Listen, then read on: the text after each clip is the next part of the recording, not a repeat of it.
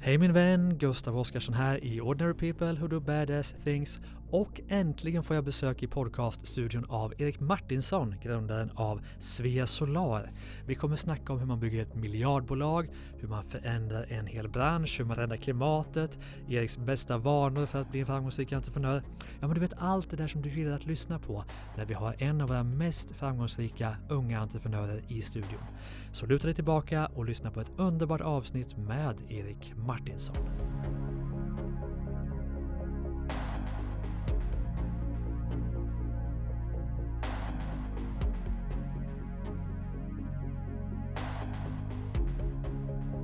Varmt välkommen till Ordinary People Who Do Badass Things, Erik Martinsson. Ja, men tack så mycket. Läget? Ja men det är bra tycker jag. Ser väldigt pigg ut. Ja, det, jo det är Det är mycket som händer i full fart. Så, Ja. så är det. Själv då? Utmärkt! Andra podden för idag, eh, så det är lugnt än så länge. Energin och rösten finns kvar. Det snöar i Stockholm. Bor du i Stockholm? Ja, jag bor precis utanför Stockholm. Ja. Men Mm. kommer du från Jag kommer från Sollentuna. Sollentuna? Va- Varför, varför tänker jag Halmstad när jag tänker på dig? Ja, det vet jag inte. Vad märkligt. Ja, då ska vi inte fördjupa oss i det. Ja men, men eh, vi hade ju en gemensam bekant, Ja. Ludvig Granberg som, Ja. som vi bor där, som rekommenderade in mig i oss. Så, Så kanske det var. Han har också varit med i podden för dig som vill lyssna på avsnittet med Ludvig. Han startar ju hemsida 24, bland annat. Men du, Ordinary People Who Do Badass Things. Känner du dig oftast som en ordinary people eller som en badass person? Nej men jag skulle säga att egentligen så i min bild, de flesta entreprenörer är ganska vanliga personer som kanske får eh, lite mer fokus på någonting och, och driver det hårt eh, över lång tid. Eh, så jag skulle nog säga att eh, det handlar om att fokusera och göra, göra det man kan väldigt bra över lång tid. Och, då Mm. blir det då, då kan man lyckas med mycket saker även fast man eh, inte har egentligen några enorma talanger som är långt mycket större än andra. Utan det handlar om att man kanske över tid verkligen fokuserar på någonting och försöker göra det så bra man bara kan. Mm. Och för de som inte vet, då, vad är det du har fokuserat på sen? Är det 2014? Ja precis, eh, årsskiftet 2013-14 där. Ja. Eh, så startade vi jag och Björn Lindo som var studiekompisar, Mm. eh, Svea Solar då, som nu är eh, ett av Europas största solcellsbolag då med eh, ungefär 1200 anställda och, och, och eh, omsatte 2 miljarder förra året och kommer väl i år eh, landa runt 3,5 till 4 miljarder Ja. eh, i omsättning då. Och hur fan gick det till? Ja, vi började ju med egentligen CSN som finansiär. Ja. Eh, Vi hade Det är så man ska börja. Ja det är så man ska börja Det är precis. standard. Ja. Ja men det är en investerare som har väldigt eh, låga trösklar, inga motkrav. Låg ränta. Exakt, låg ränta, inga motkrav. Mm. Eh, och, Jag är eh, nyfiken på det upplägget där. Ni pluggade ändå? Ja men vi, vi pluggade, så Ja. vi tog examen och sen dagen efter så, så eh, packade vi våra väskor och åkte ner till Tyskland och började göra affärer med de kommande leverantörerna vi skulle ha det. och sen Mm. då mot våren så började vi komma igång med, med affären helt enkelt. För ni hade bestämt det då medan ni pluggade. Hur börjar storyn? För det var ju inte bara att ni pluggade sen åkte ner dagen efter och gjorde business. Nej, men Ni måste så ha här- kommit på en idé tänker jag. Men vi tittade på lite olika delar egentligen. Jag Ja. menar, jag har väl alltid haft ganska stort miljöintresse. Mm. Eh, tittade på bland annat eh, Tesla Motors eh, som ju var ganska heta då. Mm. Eh, och eh, jag hade väl en, en del tankar på att där kanske man skulle jobba och sökte väl även jobb där ett, ett femtal gånger. Mm. Eh, och, Utan svar? eh, vad sa du? Utan respons eller? Ja men det gick Ja. inte så bra. Nej. Så jag, jag fick ju uppenbarligen inte jobb tre gånger innan annonsen fanns att de skulle öppna i Sverige. Så sa de att nej men där öppnar vi inte förrän om flera år. Men jag sa nej men Norge har eh, Europas eller världens bästa subventioner för elbilar. Så vi kommer att öppna i Norge, då kommer det öppna sen i Sverige. Det gjorde man då precis eh, vid årsskiftet där 2014. Eh, och då när den, liksom, de skulle öppna så kom det ut annonsen och då, och då så sa jag men nu kan jag söka jobb för nu ska ni öppna här då. Mm. Eh, men det gick inte så bra då heller. Så att, men då, då tittade jag och Björn på lite olika bitar. Vi kollade på vindkraft eh, och eh, ett vindkraftverk kostade väl så här 40-50 miljoner kronor. Och varken jag eller Björn hade 40-50 miljoner kronor på fickan. Mm. Så att eh, då började vi kolla på sol och eh, såg att det fanns enormt mycket mer potential i den branschen än vad, vad som faktiskt hade hänt. Så att då, då tänkte vi som många andra, ja men det kan ju inte funka i Sverige, det är det är mörkt eh, på större delen av året och så vidare. Men gör man faktiskt business cases så ser man att eh, sol kommer vara en stor betydande energikälla även i Sverige. Mm. Och då tittar vi på, men varför är det så lite sol? Eh, och då börjar vi titta på vad kan vi göra för att få igång det här i Sverige? Eh, och det var verkligen det vi jobbade med, att se till att det blir enkelt för kunderna att skaffa solceller med ett färdigt paket med paneler som ser bra ut på taket och, och verkligen se till att sköta hela kedjan. Det var verkligen det som, som gjorde en stor skillnad. Så vi var med och egentligen eh, industrialiserade hela solcellsbranschen. Mm. Alltså jag pluggade ju också i, i Karlstad då, det är några år sedan. Jag kan säga att när jag hade pluggat färdigt, jag var inte riktigt där att jag kunde dra igång ett stort bolag och förändra en hel bransch. Jag tror inte jag hade kommit så långt i min personliga utveckling. Vad var det som gjorde att ni hade, vad ska man säga, de mentala förutsättningarna att ta ett så stort steg på en gång? Ja men det var inte så stort steg. Vi var ju två personer eh, som skrev exjobb tillsammans i min lägenhet i Solna. För vi ah. pluggade i Linköping och skrev exjobb i Solna. Och eh, eh, ja, veckan efter så, skrev, så, så, startade vi bolag i Solna och satt i samma lägenhet. Så att mm. eh, kontrasten till det bolag vi är idag är ganska stor. Vi var två mm. personer som hade väldigt begränsat med kapital eh, som fick eh, ju lära sig hela hantverket. Vi fick eh, lära oss att montera hela solanläggningarna från scratch och var ute och monterade hos kunder samtidigt som vi sålde, vi bokförde, vi gjorde alla de här bitarna tillsammans. Mm. Så att vi fick lära oss hela kedjan och det gjorde att under första året hade vi i princip, ja men vi hade inga andra anställda. Och sen därefter vi började vi bygga upp hela maskineriet och titta på hur kan vi ta det här då från ett bolag med två personer och satte upp en affärsplan att 2022 skulle vi nå en miljard. Det var mm. målbilden då som vi satte upp där efter ett år. Och nu nådde vi ju den ett år innan så mm. vi nådde ju två miljarder då 2022. Eh, så vi slog den, den prognosen lite grann. Eh, det var ju ganska få som, som trodde på att man kunde göra en sån prognos från eh, två personer till en miljard och hålla den prognosen. Och till och med på det. åtta år då? Sju år egentligen? Ja precis, ja. Då, då, blev det ju mm. ungefär åtta år till, yeah. till att vi, vi eh, gjorde det då. Mm. Och det är ju, men, men, när ni startade bolaget, för det här kommer ju en bit in. När ni startade, var det mer vi testar på eller fanns det redan då så här, det här ska bli något stort? Eh, men så här, sol som bransch mm. eh, redan då eh, var det ganska många som såg skulle kunna vara en stor del. Mm. Eh, jag var ganska tidig med att säga att det här kommer bli den största energikällan i världen. Nu mm. håller de flesta med. Eh, så var det inte då. Men att vi skulle vara med och ha möjligheten att bygga ett stort bolag, det var det inget snack om. Mm. Sen att vi skulle först bli ledande i Sverige och sen ledande i Europa, mm. eh, det eh, kanske vi inte såg direkt. Men, men vi satte våra kort på att det här är någonting vi verkligen kan göra och göra bra. Mm. Och fokuserar vi på att leverera en bra produkt till våra kunder och verkligen bygga det här så har vi en möjlighet att över en lång period verkligen se till och förändra hela energisystemet. För att mm. kol, olja och gas måste bort och det finns i praktiken två energikällor som på ett kostnadseffektivt sätt kan lösa det och det är sol och vind. Mm. Och kombinationen av de två är fantastisk givet att jag menar, sol eh, har du väldigt mycket när det är klarblå himmel och eh, vindstilla. Mm. Och när det blåser mycket så har du ofta mulet och mindre solceller. Så att kombinationen däremellan är fantastisk. Så att mm. man får ett jämnare elnät om man har en kombination av sol och vind. Och då tittar vi på det i och med att det finns mycket vind i Sverige, vindkraft. Redan idag så saknas mm. det extremt mycket sol och, och, då tittar vi på det här ska vi vara med och hjälpa till och lösa. Mm. Eh, sen därefter börjar vi förstås öppna upp till andra länder och titta på det över tid. Och eh, ser man nu på de rapporter som finns så kommer ju då sol att vara den största energikällan i Europa eh, och världen eh, över tid. Mm.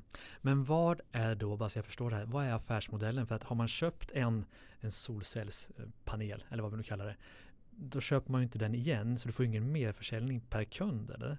Alltså allt är ju nyförsäljning varje år. Precis, eh, precis. vi började ju med att egentligen bara sälja själva solpanelerna ja. med, med växelriktaren och, och sälja det som en one-off till våra kunder. Ja. Sen breddade vi det erbjudandet över tid och vi har adderat batterier så man kan lagra sin solel. Vi har mm. elbilsladdare. Eh, vi har också elhandel så att du kan köpa in elen och, återkommande och sälja den tillbaka till oss. Mm. Men också nu då eh, som vi har börjat jobba mer och mer med att vi optimerar kundens anläggning så att vi ser till att du använder energin på rätt timmar och lagrar energin på rätt sätt och även jobbar som en resurs mot elnätet. Så att mm. när elnätet har då hög användning kan vi vara med och mata ut energi och hålla frekvensen rätt i elnätet. Mm. Och det kan vi ta betalt mot, mot Svenska kraftnät till exempel för att hjälpa till att stabilisera elnätet. Just det. Så, du får en skapa... återkommande intäkt ändå? Mm. Exakt, så mm. alla våra kunder som vi adderar över tid skapar vi också en återkommande intäkt. Så att inte mm. bara att vi kan då förstås vara med och ge kunden billigare eh, elräkning och spara pengar där åt mm. kunden där vi då tjänar pengar på det.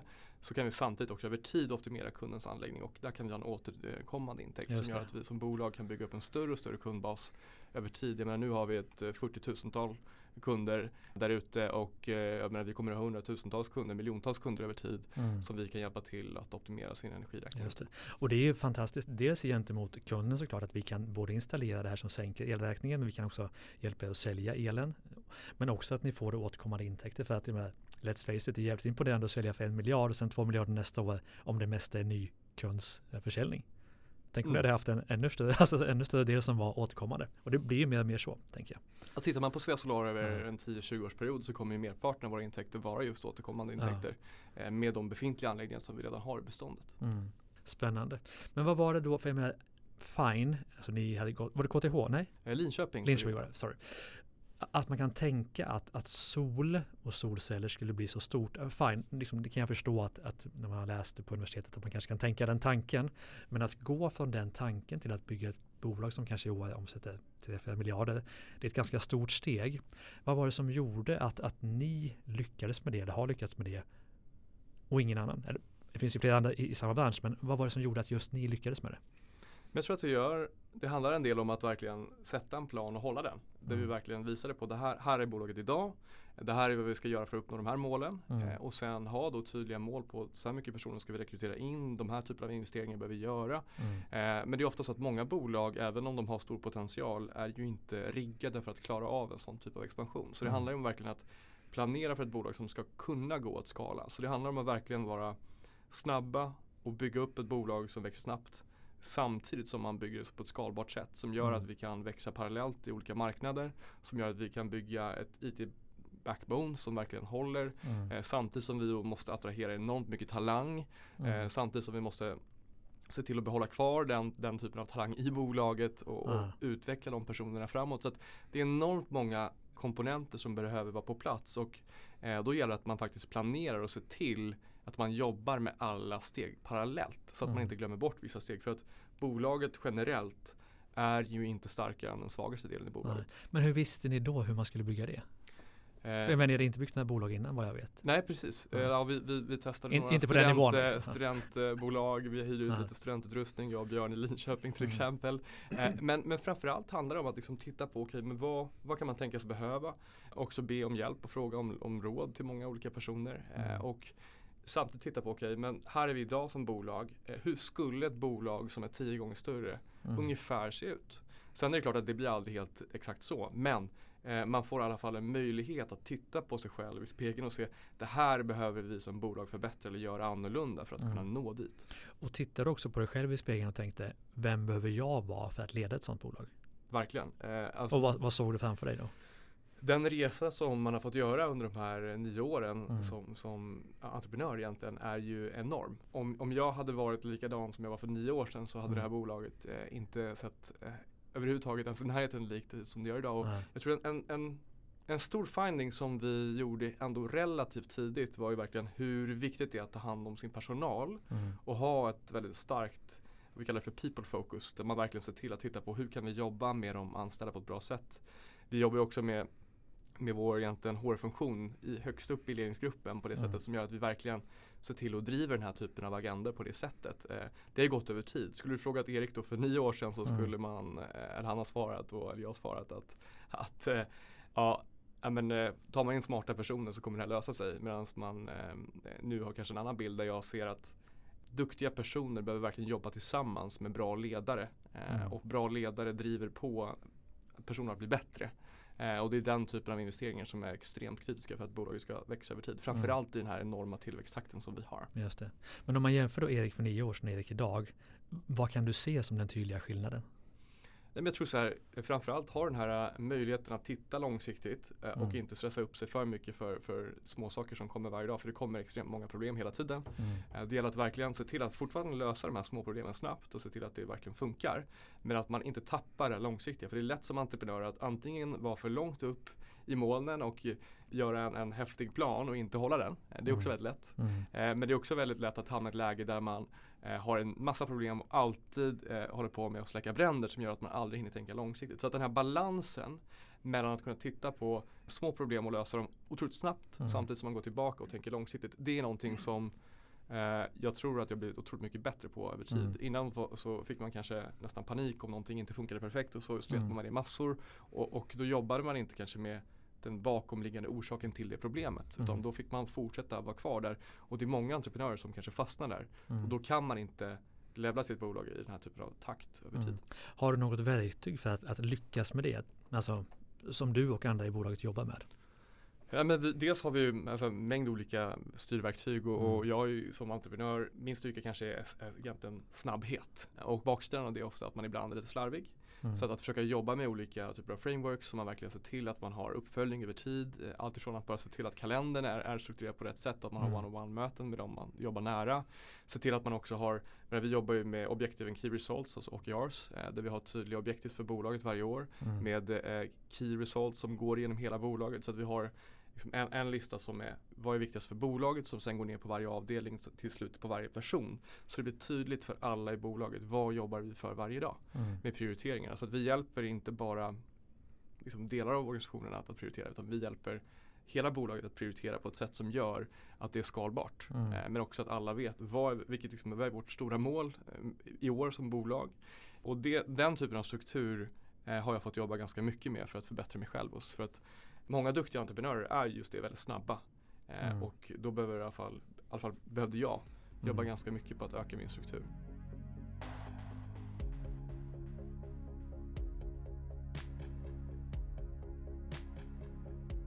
Det jag tycker är intressant, för nu har det här blivit eh, stort och liksom du har gjort en resa som person också.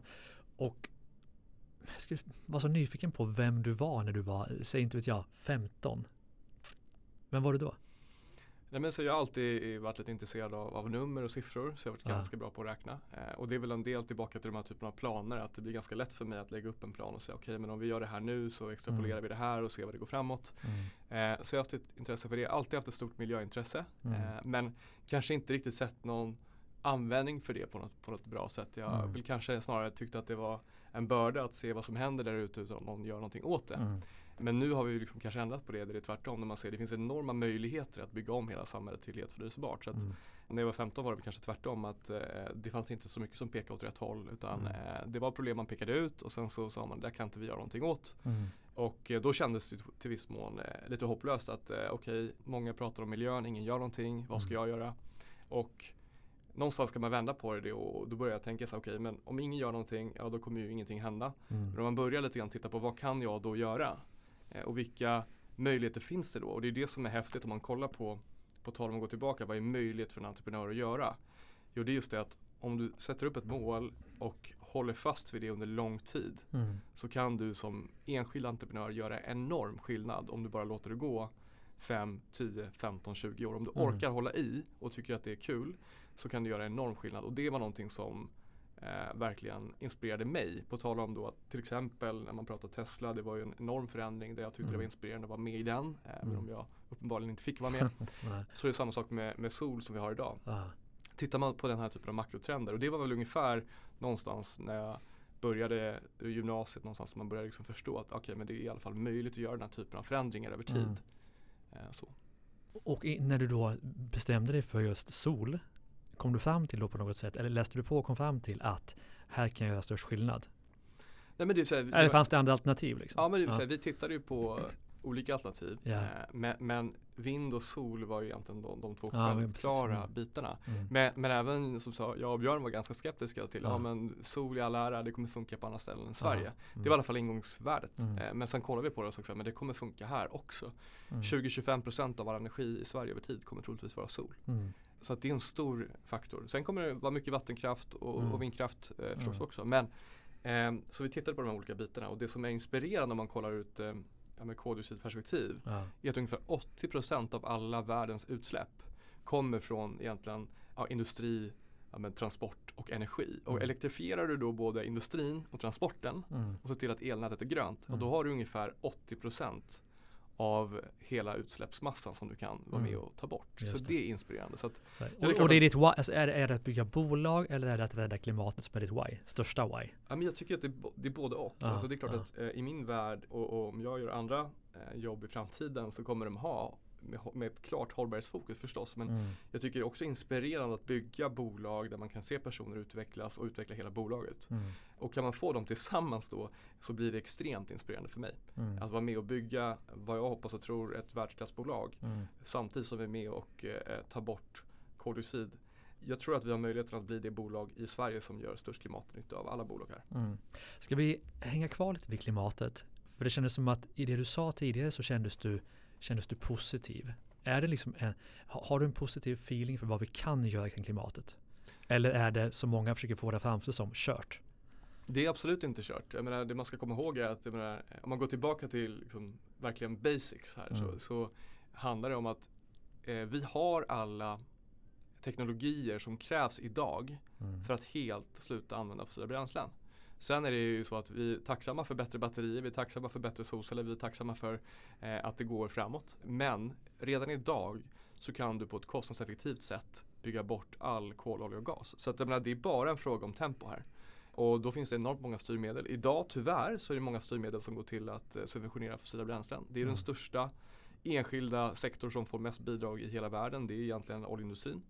Och eh, det hade varit bättre om man riktade dem till exempel mot förnyelsebart. Det ser vi nu händer. Mm. Eh, till exempel lanserar USA sitt största stimulanspaket någonsin. Eh, IRA som är in, in, Inflation Reduction Act som egentligen är en ren satsning på förnyelsebart. Mm. Eh, som ju visar att nu håller liksom, ja, USA i spetsen, Europa, Kina och andra delar av världen verkligen på att ställa om på ett, på ett eh, snabbt sätt. Så det handlar om att vi och andra bolag, olika regeringar och makthavare som nu eh, investerar och lägger sin tid på att ställa om, då kommer vi göra det. Eh, mm. Så frågan är bara snarare hur fort kan det gå? Och hur fort kommer det gå? Alltså så här, när du ligger om natten och funderar på det här, så känner du att det här kommer vi klara eller känner du att det går för sakta, jag blir förbannad på det här och det här och det här? Eller? Eh, det är klart att eh, det kan vara frustrerande när man till exempel har en dialog med Länsstyrelsen i Sverige. Ja, för jag menar att du ser ju du ser att det kan gå och så ser du saker som står i vägen. Ja, det, det, det, du måste bli galen. liksom. Jag kan ta ett exempel. Ja. Jag hade ett möte häromdagen när vi pratade med Länsstyrelsen i Skåne där vi ska bygga en solpark då på 25 hektar på mm. betesmark där vi kan visa på att vi sätter solceller på dålig betesmark mm. som ökar betesoutputen där vi sätter då får som betar. Så att mm. de får alltså, vi använder marken bättre. Mm. Så det är alltså ingen konflikt mellan jordbruk och solceller. Mm. Ändå så vill man ha en process där man då anser att vi tar jordbruksmark i anspråk till exempel. Mm. Det är klart att det är extremt frustrerande att ha en sån dialog. Eh, när ju vi löser två riksintressen i praktiken. Mm. Även om energi inte har helt blivit ett riksintresse. Men jordbruk mm. är ett riksintresse. Yeah. Och jag tycker att energi, givet situationen i Europa nu, borde bli ett riksintresse. Ja. Att vi löser dem parallellt. Det är klart att det är jättefrustrerande. Men tittar man på ett längre perspektiv så kommer det här gå över. Jag menar, det är klart att Länsstyrelsen och regeringen och andra som sitter förstår att så här kan man inte hålla på. Mm. Men, eh, och man vill ju göra de här typen av förändringar. Man följer ju faktiskt bara ett regelverk. Så där behöver man ju mm. som entreprenör lugna ner sig lite grann och tänka de gör sitt jobb här, de mm. vill det här också. Alla vi vill ju, mänskligheten generellt sett, i alla fall min bild, vill ju göra rätt för sig. Eh, och eh, vi kommer ju se ändringar i den här typen av lagstiftningar mm. där vi självklart ska se till att driva på omställningen så fort det bara går. Men om man tittar på ett längre perspektiv så tror jag att eh, om 20-30 år eh, så kommer vi ha gjort merparten av de omställningar som krävs. Mm. Eh, och eh, jag tror inte att det är längre så. Nej.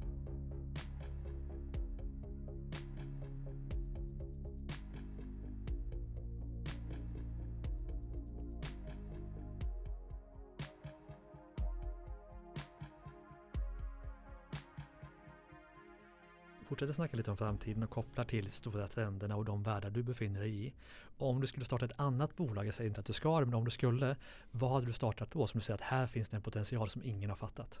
Ja, men det, det, finns ju många områden. Till exempel nu så finns det ju en hel del som händer inom elbåtar. Det är ett väldigt kul segment. Yeah. Nu går det väldigt bra där så, mm. så de har, det har gått lite upp över, ja. mm. över den tröskeln här. Yeah. Eh, till exempel elflygplan tror jag är ett stort, eh, en stor hurdle som vi måste mm. över. Eh, mm. där ju i praktiken så, så liksom, tittar man på transportsektorn, jag menar vi har ja, bilar, lastbilar, de är på väg att fullt elektrifieras nu i full fart. Mm. Eh, båtar nu till viss mån i alla fall, fritidsbåtar. Sen kommer vi behöva titta på kanske större transportfartyg, då är det tuffare. Mm. Men, men, flygplan är en utmaning. Det är någonting som eh, man börjar titta på. Det finns ju några svenska bolag, eller något svenskt bolag och några amerikanska bolag som gör det bra. Men det har varit väldigt inspirerande att jobba med att elektrifiera flygtransport. Mm. Finns det något som folk i allmänhet har fått om bakfoten när det gäller klimatet? Att man tror att det är så men det är egentligen så? Att vi inte klarar av att hålla den levnadsstandard vi har idag. Det är en mm. stor myt. Eh, sen måste vi konsumera rätt, vi måste återvinna våra produkter, vi måste använda materialen på rätt sätt, vi mm. måste ha förnyelsebar energi och alla de här bitarna. Så det handlar inte om att vi ska behålla ett slit och släng samhälle som man kan argumentera för att vi har idag. Men att vi eh, inte kan ha samma standard är en ren myt. Tittar vi på mm. energimängden som finns i systemet eller den typen av konsumtion som vi kan ha om vi konsumerar rätt eh, behöver inte vara lägre. Den kan egentligen vara högre. Nu, nu är det mm. inte att vi ska öka konsumtionen, inte det jag säger. Men, men jag tycker att det är Det går inte att spara sig in eh, i en låg koldioxidmiljö. Utan Mm. vi måste se till att det vi konsumerar är byggt på ett förnyelsebart sätt. Mm. Eh, det är mycket, mycket bättre att du köper en ny elbil än att du kör lite längre med en gammal bensinbil. För då är du med och byter ut hela bilflottan över tid. Mm. För det har man ju gjort precis tvärtom. Exakt, och det är en Ja. stor myt. Ja. menar, tittar du på, man, då, då räknar man till exempel, okej vad är klimatavtrycket av en ny elbil? Det handlar om att om du bygger en ny elbil idag Ja. och en ny elbil om 20 år så kommer klimatavtrycket över tid vara nära noll. Men om du aldrig köper den elbilen så kan du aldrig spara det in i framtiden. Så att det Mm. handlar om att ja, det är klart att om du kan minska din el, äh, ditt bilkörande generellt ska du göra det, självklart. Men om du ska köra bil ska du köra en elbil till exempel. Mm. Det är, ju, det är ju egentligen ett klart case. Men du, jag vill komma in lite mer på dig som person snart, men jag måste ändå fastna lite i Svea Solar fortsatt och den här enorma tillväxten ni har. För ni har tagit in kapital. Eh, Sista jag läste var Altor? Som gick in med någon miljard, mycket pengar. Ja. Hur är, alltså, för de som lyssnar som inte har kommit lika långt, kan du bara liksom ta oss igenom, hur, hur tänker man kring det? Att, att ta in kapital generellt, men också när det börjar bli så stora summor. Värderingar, vilka ska man ta in, smart kapital kontra pengar, alltså vad är dina liksom takeaways? Först och främst är vi väldigt stolta över att få in Altor som investerare. Mm. Jag tycker att eh, Altor är väl en av de eh, investerare som har gjort mest för klimatscenen i, i Sverige framförallt. Och tittar man på Harald Mix innehav också med, med Vargas också inkluderat så Mm. eh, tittar man på de större cleantechbolagen i, i Sverige så har vi ju då eh, OX2 Vind som är största vinddevelopern i Europa. Vi har Polarium som är batterier. Vi har Northvolt som, som är batterier. Och sen H2 Green Steel och då Svea. Solar. Det är de Mm. fem största cleantechbolagen i eh, Sverige. Eh, de har alla en gemensam faktor att man antingen har då eh, Altor eller eh, Vargas då, som båda går tillbaka Mm. till Harald Mix. Så det är väldigt kul att få vara med i den familjen till att börja med. Eh, men när man tittar på investerare så, så handlar det mycket om att man är tydlig med vad ska vi uppnå? Eh, vad är våra mål som bolag? Eh, och att vi har möjlighet att verkligen vara med här och, och göra en förändring på, på ett positivt sätt och bygga ett fantastiskt eh, värde eh, ur ett eh, klimatperspektiv men också ur ett bolagsperspektiv. Så att, Mm. Eh, jag tycker att det är en självklarhet att ta med bra investerare som också hjälper till att stärka bolaget. För det handlar Mm. om att bygga upp en professionell styrelse, verkligen ta genomtänkta beslut. För desto större bolaget blir, ju viktigare är det verkligen att man på högsta nivå tar rätt beslut. För att Mm. även små beslut kan ha ganska stora följder. Mm. Och, men ändå liksom, gå lite mer på 90 gritty där. Hur många gånger har, har ni tagit in kapital? Vi har väl egentligen tagit in kapital mer eller mindre tre gånger. Tre gånger. den här För, perioden. för det var inget alternativ att växa organiskt, det liksom går för långsamt. Vi gjorde det egentligen de första, vad blir det, eh, fem sex åren. Ja. Eh, så var det helt organiskt och det var när vi höll oss innanför Sveriges gränser. Sen Ja. så då eh, 2020 så expanderade vi ut till, Ja. till eh, fler marknader och då för att kunna göra det på ett bra sätt var vi tvungna att ta in kapital Ja. för att verkligen Var ni lönsamma när ni gjorde det? Eh, vi var lönsamma i Sverige och sen så eh, gick vi ut i fler länder och då var vi tvungna också att bygga upp ett större egentligen huvudkvarter, alltså HK, Mm. eh, kost Mm. och de bitarna. Men eh, nu har vi också som mål att redan här i maj i år bli lönsamma som koncern. Ja. Men även om vi är lönsamma och växer med den här typen av takt Mm. så handlar det om att vi bygger också och binder en del kapital i verksamheten. Så Mm. om vi dubblar vår omsättning hela tiden och även om vi har en vinst så behöver vi addera en del kapital för att klara av den tillväxtresan med, med allt vad vi behöver köpa in och Mm. investera i verksamheten. Men det låter ju på det du säger nu som att det har varit, ja men allt har funkat som det skulle men lyssnar man på många bolag så är det ju bekymmer med investerare att de inte vill försvara sin andel eller att de inte vill lägga till mer pengar eller att det blir man funkar inte med dem som personer. Har det inte varit något sånt utan det, har- det har funkat. Nej men alltså det är klart att Svårt när, man, när man tittar, på, när man Ja. tittar på en bolagsresa i nio Ja. år så är det alltid ups and downs. Alltså Ja. det, är, det är diskussioner mellan, mellan ägare, mellan investerare, Ja. mellan eh, allt vad det kan tänkas vara. Ja. Eh, och det är klart att det är aldrig en spikrak resa. Det är ju enormt många utmaningar. Men jag tror Mm. det som skiljer, i min mening, framgångsrika entreprenörer eh, till kanske andra entreprenörer Mm. eh, är att man verkligen ser då eh, de problem som möter en och försöker jobba med dem så gott man bara kan. Eh, och lösa problem för problem och verkligen gå ett steg framåt hela tiden. Eh, Mm. Och det tycker jag att vi har försökt göra bra. Mm. Vad är det värsta som har hänt då på nio? Men det är klart att Det jobbigaste ska jag säga. Ja men det är Mm. klart att det var inte så kul eh, när vi kom in i, i pandemin 2020 Mm. och vi precis då hade öppnat i fyra länder. Första april gick vi in i tre ytterligare länder. Eh, och eh, ja, pandemin slog ju till väl mitten i mars ungefär i Sverige. Mm. Så vi kom alltså ut i fyra nya länder och samtidigt så tog man bort solcellsbidraget i juli samma år. Mm. Så vi satt ju på en, ganska dålig hand om man ska vara rak. Eh, Mm. Så det var tufft. Det var ett år som var tufft på många plan. Eh, Det var svårt att få ihop hela verksamheten. Det var svårt att driva fyra nya marknader som man inte kunde ha kontakt med. Men samtidigt så fick vi då, och, och sen fick vi dessutom eh, för första gången i bolagets historia eh, reducera ordentligt eh, Mm. arbetsstyrkan. Vi var tvungna att, att säga upp över 100 personer i Sverige. Det var väldigt jobbigt. Personer som också eh, var duktiga. Mm. Eh, och eh, som tur var har vi kunnat återanställa ganska många av dem men det Mm. var inte roligt. Eh, både att ha finansiella bekymmer, problem i att vi går ut i olika marknader samtidigt som vi var tvungna att reducera arbetsstyrkan på grund Mm. av att vi inte hade det, den efterfrågan som vi då trodde vi skulle ha då när folk först skulle hålla tillbaka pengarna Mm. och sen tog solcellsbidraget. Men sen kom ju marknaden tillbaka enormt så det blev ju en Mm. enorm ja, återhämtning där vi har kunnat växa enormt mycket som bolag. Mm. Men det var fortfarande, eh, jag skulle säga tufft halvår, extremt Mm. tufft halvår. Och därav kanske också behovet att ha kapital.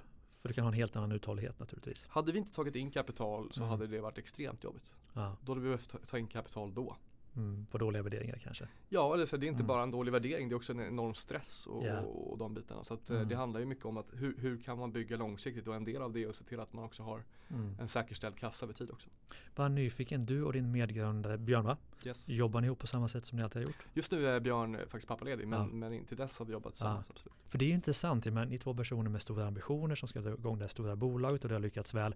Men sen naturligt så hittar man ju olika vägar i livet och det är inte säkert den ena vill vad den andra vill. Hur har det funkat? Nej, men jag tror så här, dels handlar det om att vara samspel och vara tydlig med liksom, både mot investerare men också mellan grundare och mellan andra i bolaget. Så här, var är vi på väg och bygger? Vad är det vi ska nå som bolag? Och har man gemensamma Mm. mål där så brukar det hjälpa till. Mm. Det som ofta händer är kanske att man inte pratar om de målen utan man är olika ägare och man jobbar på och så helt plötsligt så eh, har man lite olika idéer om vad man faktiskt har för målbild. Så att Mm. man behöver vara ganska tydlig i min mening med vad har vi för målbild med Mm. bolaget? Eh, Mm. Vad är vi på väg att göra? Eh, och eh, försöka få ner dem. Det behöver inte vara en fantastisk PowerPoint-rapport men att man Mm. har några ledord. Vad, vad är det vi egentligen vill med bolaget? Vad är målbilden? Eh, och vad vill vi göra tillsammans och inte? Mm. Spännande. Men du, låt oss snacka lite mer om dig. Vi har snackat mycket bolag och klimat och värderingar nu. Om vi, om vi tar din som entreprenör i ett bolag som, som kräver mycket av din uppmärksamhet och liksom det är all in. Eh, hur ser en typisk dag ut? Ja men typiskt då. Vi har alltid varje morgon en, check-in med managementteamet. Så vi har Mm. en daily huddle i 10 minuter. Där Mm. man eh, berättar om vad, vad som har gått bra igår och, och vad man ska fokusera på idag. Mm. Eh, så det är alltid standard. Det Och varje energi. dag? Liksom. Ja, varje dag. Mm. Mm. Eh, och det har ju då alla våra teams eh, längre ner. Så det betyder att först har vi då en daily huddle eh, och sen så Klockan. har de teamen en daily huddle Mm. och så vidare. Så att det gör att vi får en, en ganska snabb Mm. informationsspridning i bolaget. Så så börjar jag dagen. Det ger energi. Jag tycker det är Klockan, superkul. vilken tid? Eh, men först, egentligen om man ska börja dagen så Ja. går vi upp lite grann. Så det ligger liksom på morgonen vid åtta tiden. Och sen så eh, kanske man hinner börja lite, förbereda lite dagen innan dess. Men, Mm. men eh, sen handlar det mycket om att ha liksom, möten där man går in och, och ser på framförallt lite grann på hur det går eh, med, på de olika bitarna. Jag brukar Mm. fokusera på de områden som går väldigt bra eller de områden som går eh, lite mindre bra. Eh, Mm. Däremellan så sköts det ganska bra utav andra personer. Så det är liksom mina två grejer. Men det som jag tycker är inspirerande är att gå väldigt, väldigt djupt i detalj.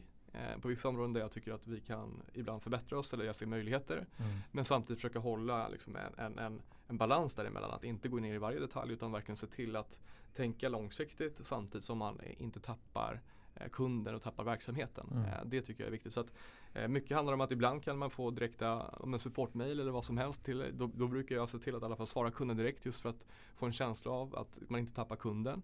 Samtidigt som man inte lägger för mycket tid på det för då hinner man inte göra annat. Så det är hela tiden Mm. en balans mellan det vi pratade om Men jag antar att det finns fler som läser supportmail än dig. Det är klart det men, men, men det handlar om att eh, i min mening så är det att försöka att verkligen eh, komma hela vägen ner ut på installation eller Mm. mot kund Mm. eller att försöka hålla sig väldigt högt. Däremellan är, är det sällan intressant att befinna Mm. sig. Men att fortsätta vara i detaljerna för att förstå detaljerna. Förstå hur det är att sätta upp en, en, liksom, inte vet jag, en solcell på en viss typ av tak. Att förstå hur det funkar för att kunna ta rätt beslut på den höga nivån sen. Mm. Exakt och det är väl Mm. en del när man liksom tittar på de learnings man gjort som bolag. Så, så ja, vi har haft olika utvecklingssteg. Och det är klart att vi, när man liksom bygger en organisation som växer, Mm. eh, och på tal om vad jag la min tid på och inte. Mm. När man bygger mellanlager så är det lätt att tappa eh, den typen av, av, Ja. av att få distans till verksamheten. Har vi försökt jobba ganska mycket med framförallt på senare tid. Att verkligen få tillbaka det fokuset och vilket vi också ser, det har gett stor effekt. En, en stor del i den omställningen när vi har gjort här under det senaste året egentligen. När marknaden verkligen ja, börjar skrika efter att nu behöver vi ha lönsamhet, tillväxt är mindre viktigt. Även Mm. om vi växer med nästan 100% per år. Mm. Eh, så kommer vi och sa då ska vi vara lönsamma på ett år eh, och nu blir vi det här med stor sannolikhet i maj. Mm. Och eh, då var det verkligen att okay, hur kan vi optimera hela flödet och gå in i varje detalj och se Mm. hur kan vi skruva på varenda liten grej Mm. i inköp, hur vi ser till att vi får material bättre på plats, hur vi ser till att kunna jobba effektivare, egentligen inte mer timmar men effektivare i alla steg. Mm. Eh, och det tror jag hade varit väldigt svårt att göra om man inte verkligen hade koll på alla detaljerna.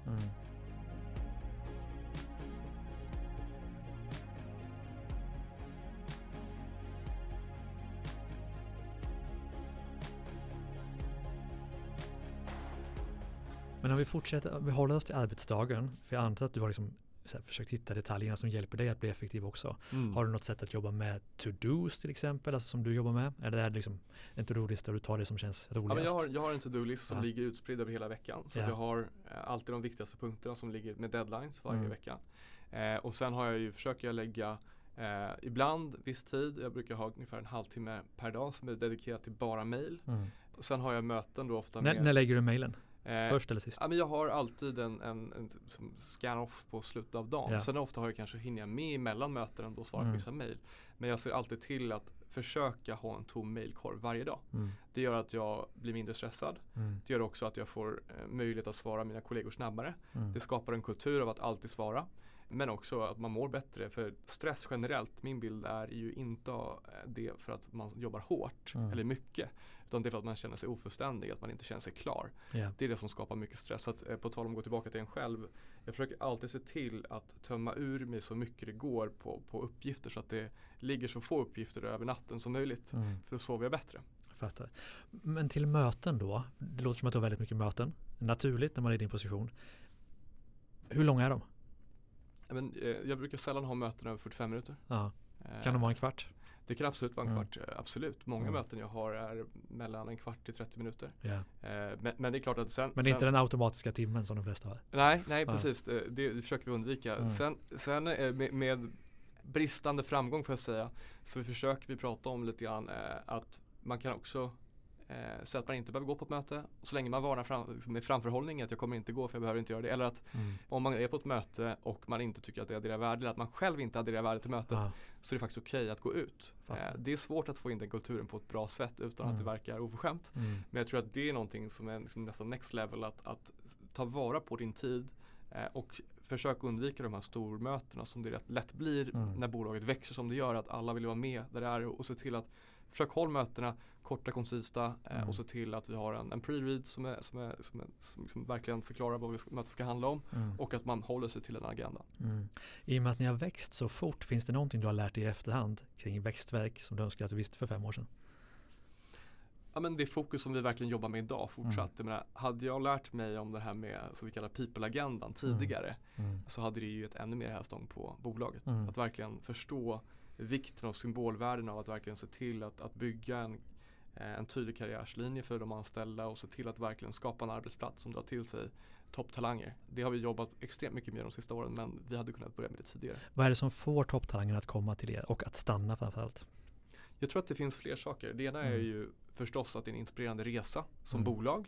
Det andra är att det är, det är, en, det är ett inspirerande syfte. Mm. Eh, Men det tredje är förstås att du som individ vill utveckla liksom, dig. Sen är det Mm. klart att kompensationspaket och de bitarna måste vara bra men Ja. de flesta personer eh, som kommer över en viss ersättningsnivå Mm. eh, primära drivkraften eh, för nästan alla är att man vill framåt som person. Och man vill bli bättre, man vill utvecklas. Kan vi Mm. erbjuda den typen av miljö som gör att så många personer som möjligt, allt ifrån att vi kan få installatörer som blir arbetsledare som sen kommer in och tar in kontorstjänster eller eh, Mm. Eh, leder hubbar eller vad som helst. Eh, att göra den typen av resor som är inspirerande och vi kan visa det att den här typen av möjligheter finns på vårt bolag. Det eh, attraherar enormt mycket talang. Mm. Tillbaka till din dag, för vi har snackat lite om arbetsdagen, men innan och efter arbetet, hur ser det ut då? Har du liksom saker du gör för att hitta en, en balans och energi eller låter du det bara vara? Men jag försöker ha en rutin där jag försöker sova ut så långt det bara går. Mm. Eh, och sen så har jag en ganska snabb frukostrutin och sen sätter jag mig oftast då för jag åker eh, 10 minuter bil varje morgon. Eh, där jag liksom brukar mest reflektera lite grann över dagen och tänka Mm. igenom det som jag hade gjort på min to-do-list dagen innan eller det som Mm. ligger på to-do-listen där.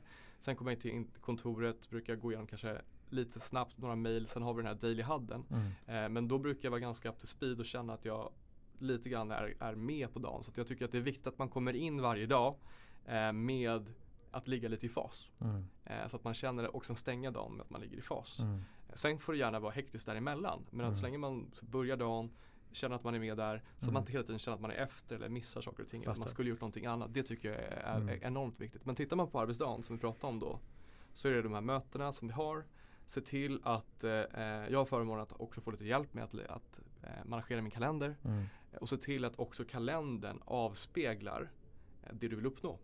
Så att jag brukar också varje vecka ha en reflektion där jag tittar tillbaka på hur min kalender blev eller är på väg att bli nästa vecka. Mm. Och sen har jag ju liksom alla strategic priorities för bolaget, vad vi är på väg, vilka fokusområden vi har.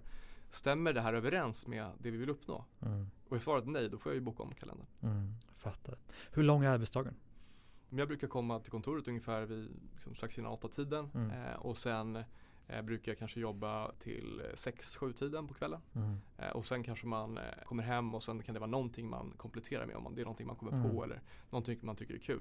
Sen, t- sen kan det ju vara så att man, man på en helg, jag brukar inte jobba så mycket helg, men att det kan vara inspirerande att man, det kommer någonting nytt som man är väldigt Mm. fascinerad över och eh, då gräver man ju gärna djupt i det. Mm. Men, men det handlar inte om att jobba enorma arbetstimmar. Mm. Eh, jag jobbar nog i arbetstimmar mindre än en McKinsey-konsult, Mm. men mer än de flesta andra. Mm. Hur ser kvällarna ut då? Eh, men kvällar, ja, men allt ifrån att äta middag, hänga med vänner, Ja. eh, träna om man försöker få till det. Det brukar Mm. jag också kunna få ibland till under dagen. Eh, Mm. och så. Men eh, sen på helger så handlar det mycket om att hänga med familj och vänner. Mm. Finns det någonting du känner att det här har jag offrat och jag kan tycka att det är lite jobbigt på grund av företaget? Nej, men det är klart att tittar man på de mängden timmar och även om man pratar om perioder som till exempel Mm. 2020 så var jag nog varken en bra sambo eller vän Nej. eh, under det halvåret, det året. Mm. Eh, för det var då, då la man kanske, ja, så att man jobbar sina liksom 60 timmar eller lite mer. Men det var inte det. Problemet var ju att när du inte jobbade så Mm. tänkte du också på vad du skulle göra mer eller inte. Mm. Så det handlar ju om, kan du ha en balans där du jobbar ganska många timmar men, Mm. men eh, sen därefter kan checka ut på ett bra sätt. Mm.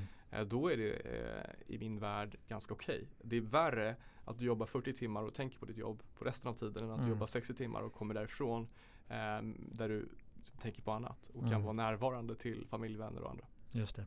Du känns som en person som läser på, tänker till. Om vi tar till exempel sömn, kost, träning. Vilka principer använder du dig av? Alltså, sen upplever jag inte, jag uppfyller inte det varje gång förstås. Men jag Nej. försöker jobba ganska ordentligt med, Mm. eh, med att äta bra mat, Ja. sova bra och träna bra. Mm. För det, är också, det gör att du mår bättre, du presterar högre. Mm. Eh, men det är också, du håller ju ihop betydligt bättre Mm. eh, som, som person. Och jag tror liksom att jag, menar, jag är inte en sån person som tycker egentligen att det är superkul att träna. Utan det är mer att jag ser det som att eh, eh, det är en uppgift jag behöver göra. Mm. För att jag ska prestera bättre som, som ledare. Ja. Och må en, bättre en som work task liksom. Precis Ja, som det är skriva ett mail eller vad som helst. Ja men det finns ju Mm. vissa uppgifter på jobbet som du inte tycker är inspirerande eller kul Mm. men du gör dem ändå. Det är Mm. samma sak som när du är hemma. Jag, jag brukar eh, ansvara mycket för disken hemma. Jag är ganska Mm. snabb på det. Mm. Men det är Effektivt. inget jag tycker är kul. Nej. Men jag gör. Mm. Du, bara måste komma in på AI. Det snackas ju så i all, alla case jag får liksom pitch decks och liknande. Så, ja, men alla är inne på AI på något sätt känns det som. Vad är, vad är din bild av AI? Kanske kopplat till ditt entreprenörskap också?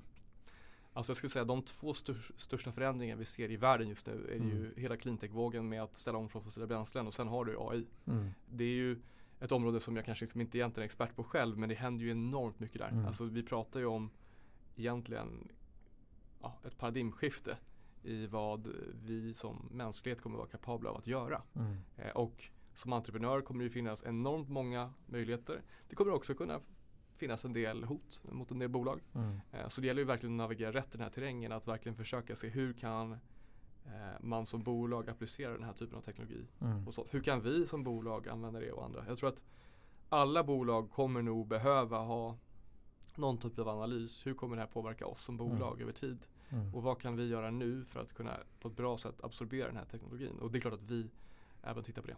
Mm. Men du, avslutningsvis, om inte du har något som vi har missat, har vi missat någonting? Nej, det vet jag inte. Men, men så här, jag måste bara förstå. Ni har gjort en fantastisk resa med bolaget. Var, vad är slutmålet för det första? Ja, men först och främst slutmålet måste ju vara att vi tar bort fossila bränslen. Det är ju Mm. därför Svea Solar finns som Mm. bolag.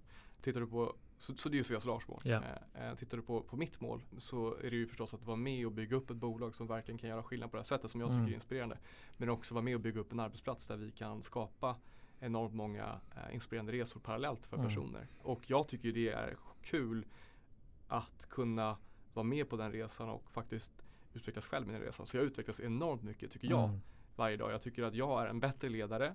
Idag än vad jag var förra året. Jag tycker att jag förra året var bättre ledare än året innan. Mm. Eh, sen är ju frågan, det är klart att jag behöver ju vara med och växa i den takten eh, som bolaget växer i. Mm. Och klarar jag inte av det, då är det någon annan som ska ha min plats. Mm.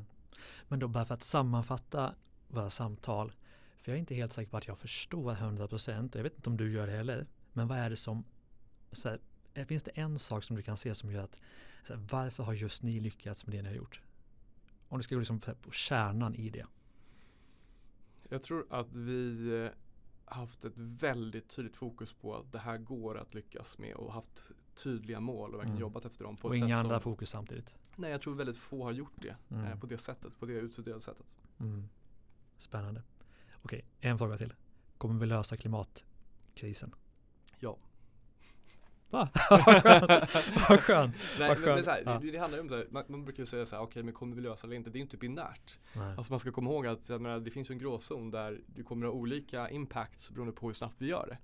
Eh, jag tror att så här, kommer jorden att klara av den här förändringen eh, Mm. om vi till slut får bort fossila bränslena? Ja, det kommer den göra. Mm.